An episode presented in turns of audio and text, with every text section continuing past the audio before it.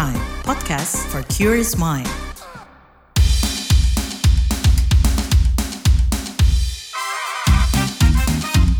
What's Trending KBR Pagi, siaran pagi radio paling update.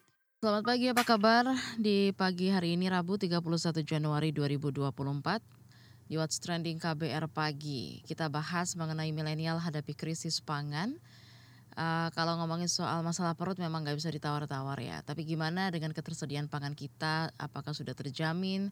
Dari Menteri Pertanian Mentan Andi Amran Sulaiman pada pekan lalu juga sudah memastikan kalau krisis pangan telah dilewati. Kata dia bulan ini aman, tiga bulan ke depan sudah aman karena bakal panen. Lantas untuk berikutnya gimana? Krisis mungkin terlewati sementara, tapi akankah kita menghadapi krisis lagi di masa mendatang? Kita tahu bahwa beberapa kali Kepala Badan Meteorologi, Klimatologi, dan Geofisika BMKG Dwi Korita Karnawati juga menyebut Ancaman krisis pangan sebagai dampak dari perubahan iklim bukan sekedar isapan jempol saja. Kata dia juga ancaman krisis pangan makin nyata dan menghantui banyak negara di dunia.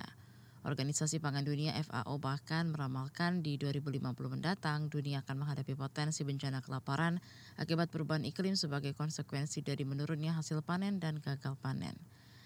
Semestinya kita juga perlu bisa menunggu sampai tahun 2050 tanpa berbuat sesuatu. Sayangnya bidang pertanian juga nggak lagi menarik minat anak muda, khususnya dari generasi Z. Dari hasil survei Jakpat tahun 2024, hanya 6 dari 100 generasi Z berusia 15 sampai 26 tahun yang ingin bekerja di bidang pertanian. Banyak sejumlah alasan kenapa banyak generasi Z yang nggak pingin kerja di bidang pertanian. Dari survei itu juga didapati alasan tertinggi responden adalah tidak ada perkembangan karir. Selain itu juga disusul alasan penuh resiko, pendapatan kecil, tidak dihargai dan tidak menjanjikan. Kita akan bahas lebih lanjut setelah netizen plus 62 berikut ini.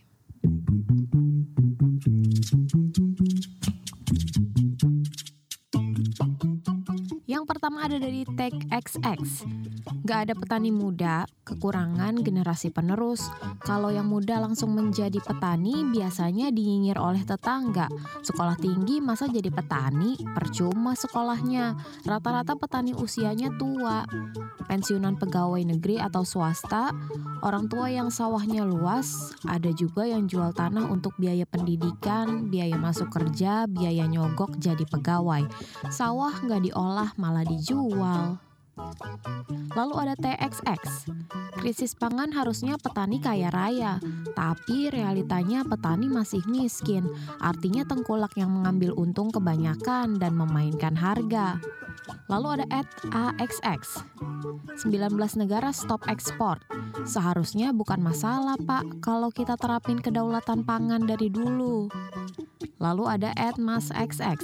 Tenang, ada BRIN, Badan Riset Nasional yang isinya profesor-profesor terpintar di Indonesia. Pasti bisa Indonesia swasembada pangan. Amin. Lalu ada cuitan XX. Sawah dan ladang masa sekarang sudah banyak yang didirikan perumahan, jalan tol, dan industri lainnya. Jangan harap bisa swasembada pangan. Saatnya pemerintah untuk lebih perhatian kepada sektor pertanian dan pangan. Yang terakhir ada AZXX. Mari semua warga mulai menanam padi di pekarangan dan halaman rumah masing-masing guys untuk menjaga ketahanan pangan terutama beras.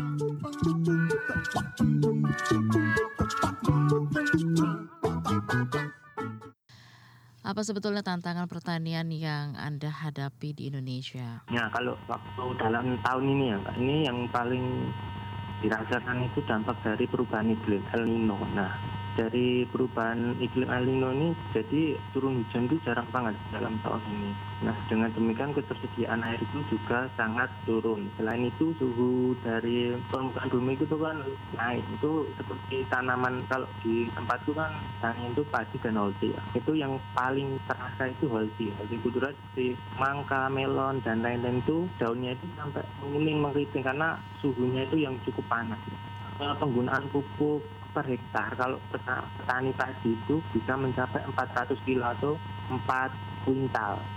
Nah, itu dari jatah subsidi itu yang bisa menyuplai itu hanya 50%. Dengan demikian, petani itu mulai berpikir bagaimana untuk mencukupi pupuk kimia yang subsidi itu. Teknologi jadi salah satu jawaban, jawabankah dan ini apakah sudah Anda terapkan dalam pertani atau belum? Dan di sini sudah ada itu pemupukan penyemprotan itu pakai drone seperti itu, terus panen menggunakan mesin itu sebenarnya membantu karena sekarang itu buruh tani di wilayah sini itu semakin berkurang karena umur buruh-buruh yang sudah sepuh itu sudah tidak mampu untuk mengolah lahan tersebut. Dengan demikian petani itu harus mulai beralih dari tenaga konvensional ke teknologi yang lebih tinggi seperti drone, traktor, terus panen pakai alat seperti itu. Terus apa rekomendasi Anda yang semestinya dilakukan oleh perta untuk pertanian Indonesia uh, ke depannya? Ada baruan isu untuk uh, kelangkaan pangan di dunia itu jadi setiap negara itu berlomba-lomba untuk memenuhi kebutuhan pangan untuk setiap negara tersebut. Nah, dengan perbaikan saja seperti itu seperti ikut serta petani muda seperti itu mbak. Terus apa yang perlu diperbaiki itu seperti petani muda itu lebih diikut perankan dalam pengelolaan tersebut. Serta yang paling penting itu jenis produk makanannya itu mbak. Karena eh, sebagian besar kan anu beras kan. Mungkin nanti food estate untuk eh, daerah penghasil besar di Jawa Tengah Jawa Barat itu lebih dibentuk untuk beras tersebut mbak. Terima kasih Lintang, petani muda dari Kelaten, Jawa Tengah. Menteri Pertanian Mentan Andi Amran Sulaiman juga membantah adanya kekhawatiran tentang krisis pangan saat meninjau penanaman padi Kelurahan Trimulyo Jetis Bantul, daerah istimewa Yogyakarta pekan lalu, dia bilang bahwa krisis pangan telah dilewati. Menurutnya tiga bulan kemudian akan panen padi dan puncaknya bulan Maret dan April. Ia menjelaskan kebutuhan pangan Indonesia bisa dicukupi dengan menanam padi satu juta hektar per bulan. Ia juga menyebut transformasi pertanian tradisional ke modern sudah dilakukan. Hal ini supaya bisa bersaing dengan negara lainnya. Kemarin Mentan juga mengakui bahwa generasi Z tidak mungkin tertarik di sektor pertanian kalau tidak menguntungkan. Pihaknya juga sudah mengklaim dengan transformasi ke pertanian modern, maka biayanya juga turun sampai 60% hingga produksi bisa naik 20 sampai 50%. Cukupkah demikian? Lantas apa yang jadi masih catatan perbaikan pertanian kita dan apa yang dibutuhkan untuk hadapi ancaman potensi bencana kelaparan?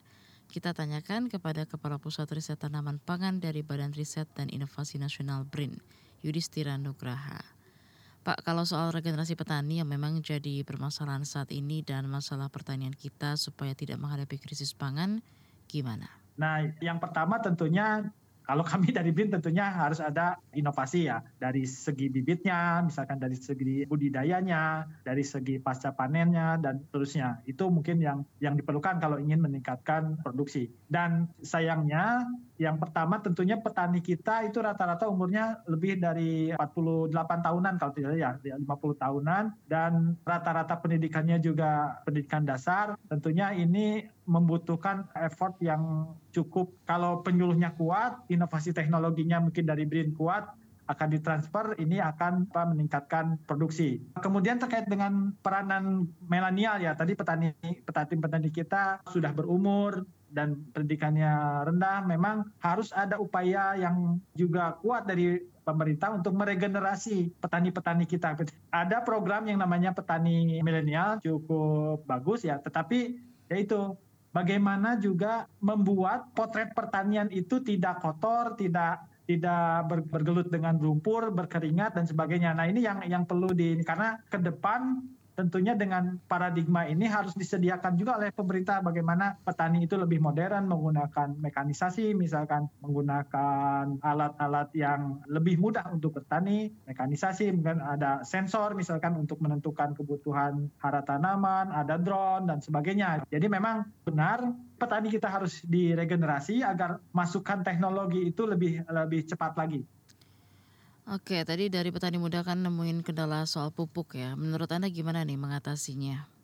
Memang kalau usulan kami sih subsidi tidak dikurangi, tapi bagaimana pendistribusian pupuknya itu lebih terkontrol lagi. Jadi jangan sampai ada pupuk bersubsidi itu digunakan oleh misalkan koper eh, perkebunan untuk lahan sawit misalkan. Nah kebocoran-kebocoran itulah yang mungkin diminimalisir ya. Nah yang sekarang fenomena yang terjadi itu barangnya tidak ada gitu. Barangnya itu ada tapi ketika musim tanamnya lewat. Nah, itu yang yang harus diperbaiki sistem penyediaannya lah oleh pemerintah. Rekomendasi lain yang perlu diperhatikan untuk sektor pertanian kita seperti apa? Yang paling penting juga bagaimana meningkatkan ketahanan petani terhadap cekaman ancaman dari perubahan iklim. Perlu dibentuk uh, misalkan sekolah cerdas pertanian cerdas uh, iklim yang aware terkait dengan perubahan iklim bagaimana petani dididik menggunakan air seefisien mungkin misalkan ya. Kemudian bagaimana mengantisipasi pola tanam agar tidak gagal panen dan sebagainya. Petani juga harus diberi pembekalan bagaimana menghadapi perubahan iklim yang memang sudah sedang kita hadapi sekarang ini. Terima kasih Kepala Pusat Riset Tanaman Pangan dari Badan Riset dan Inovasi Nasional BRIN, Yudhistira Nugraha.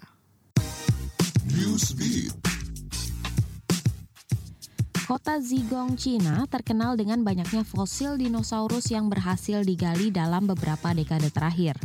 Melansir antara news, Pameran Lentera Dinosaurus Internasional atau International Dinosaur Lantern Show ke-30 yang menampilkan instalasi berteknologi tinggi seperti kecerdasan buatan atau AI dan perangkat augmented reality atau AR akan dibuka di kota tersebut pada 2 Februari tahun ini untuk merayakan Tahun Baru Imlek.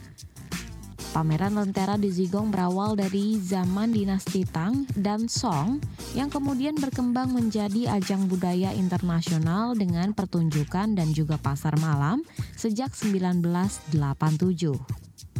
Sebuah proposal baru gencatan senjata 4 bulan ditawarkan ke Israel dan Hamas. Berdasarkan laporan The Wall Street Journal, mengutip pejabat Mesir, proposal itu awalnya diusulkan untuk pembebasan warga Israel yang membutuhkan perhatian medis segera, termasuk anak-anak, perempuan, dan orang lanjut tua. Sebagai imbalannya, Israel diminta untuk membebaskan sejumlah besar warga Palestina yang mereka tahan, serta untuk meningkatkan bantuan kemanusiaan ke Gaza. Dalam laporan itu juga disebutkan upaya Hamas untuk memperoleh jaminan internasional, termasuk dari Amerika Serikat. Proposal baru ini dilaporkan muncul menjelang diskusi akhir pekan ini di Paris, Prancis, antara Direktur CIA William Burns dan Perdana Menteri merangkap Menteri Luar Negeri Qatar Mohammed bin Abdul Rahman Al Thani. Diskusi juga dihadiri pejabat intelijen dari Mesir dan Israel. Media Amerika Serikat menyebut Presiden Joe Biden akan mengirim Burns untuk merundingkan gencatan senjata dan perjanjian pertukaran tahanan skala besar antara Hamas dan Israel. Meta memperkenalkan perubahan pada Instagram dan Facebook Messenger yang bertujuan untuk lebih melindungi anak di bawah umur dari kontak online yang tidak diinginkan. Pembaruan tersebut memberikan pembatasan yang lebih besar pada siapa saja yang dapat mengirim pesan kepada remaja, sekaligus memberikan kontrol lebih besar kepada orang tua atas pengaturan keamanan anak-anak mereka. Melansir antara news, Meta mengumumkan bahwa setelan utama remaja di bawah usia 16 tahun atau di bawah 18 tahun di beberapa negara adalah tidak lagi dapat menerima pesan atau ditambahkan ke obrolan grup oleh pengguna yang tidak mereka ikuti atau tidak terhubung dengan mereka di Instagram dan Messenger. Berbeda dengan pembatasan sebelumnya yang hanya membatasi orang dewasa berusia di atas 19 tahun untuk mengirim DM kepada anak di bawah umur yang tidak mengikutinya, aturan baru itu akan berlaku untuk semua pengguna tanpa memandang usia. Meta juga mengatakan sedang mengembangkan fitur baru yang dirancang untuk melindungi pengguna agar tidak menerima gambar yang tidak diinginkan atau tidak pantas dalam pesan dari orang-orang yang sudah terhubung dengan mereka, sekaligus mengurangi kemungkinan pengguna mengirim konten semacam itu.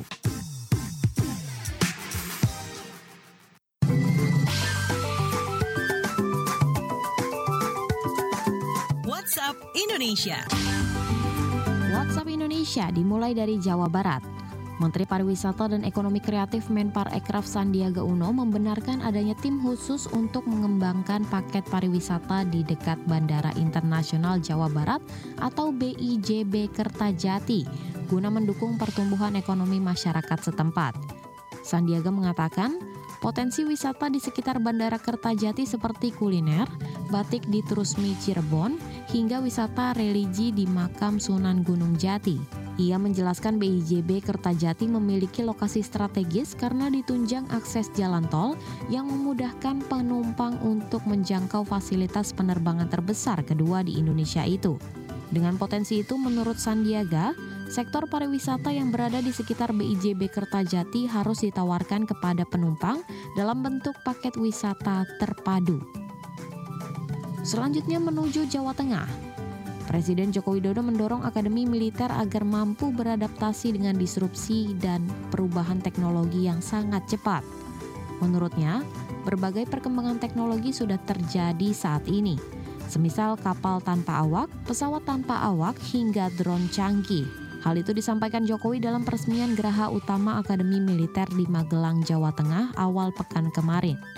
Jokowi menyebut Akademi Militer Magelang salah satu lembaga pendidikan militer yang mampu menghasilkan prajurit yang berkualitas.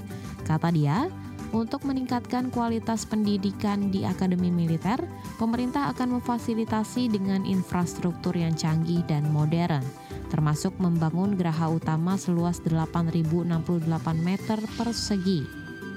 Masih dari Jawa Tengah, Stasiun kereta api Banjarnegara tengah dikaji untuk diusulkan sebagai cagar budaya Ketua Tim Ahli Cagar Budaya TACB Banjarnegara Heni Purwono mengatakan, stasiun Banjarnegara menjadi prioritas pertama untuk dikaji dan diusulkan menjadi bangunan cagar budaya karena selain memiliki nilai sejarah yang tinggi juga rawan terhadap pembongkaran atau perubahan bentuk.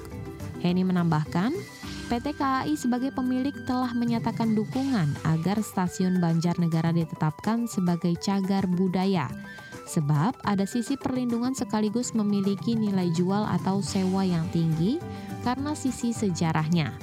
Dalam waktu sebulan ke depan, tim akan bekerja maraton melakukan pengkajian hingga mengeluarkan rekomendasi untuk penetapan sebagai bangunan cagar budaya oleh Bupati Banjarnegara.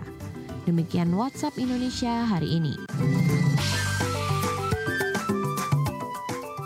Terima kasih sudah mendengarkan What's Trending KBR pagi hari ini. Jangan lupa terus dengarkan podcast What's Trending di kbrprime.id dan aplikasi mendengarkan podcast lainnya.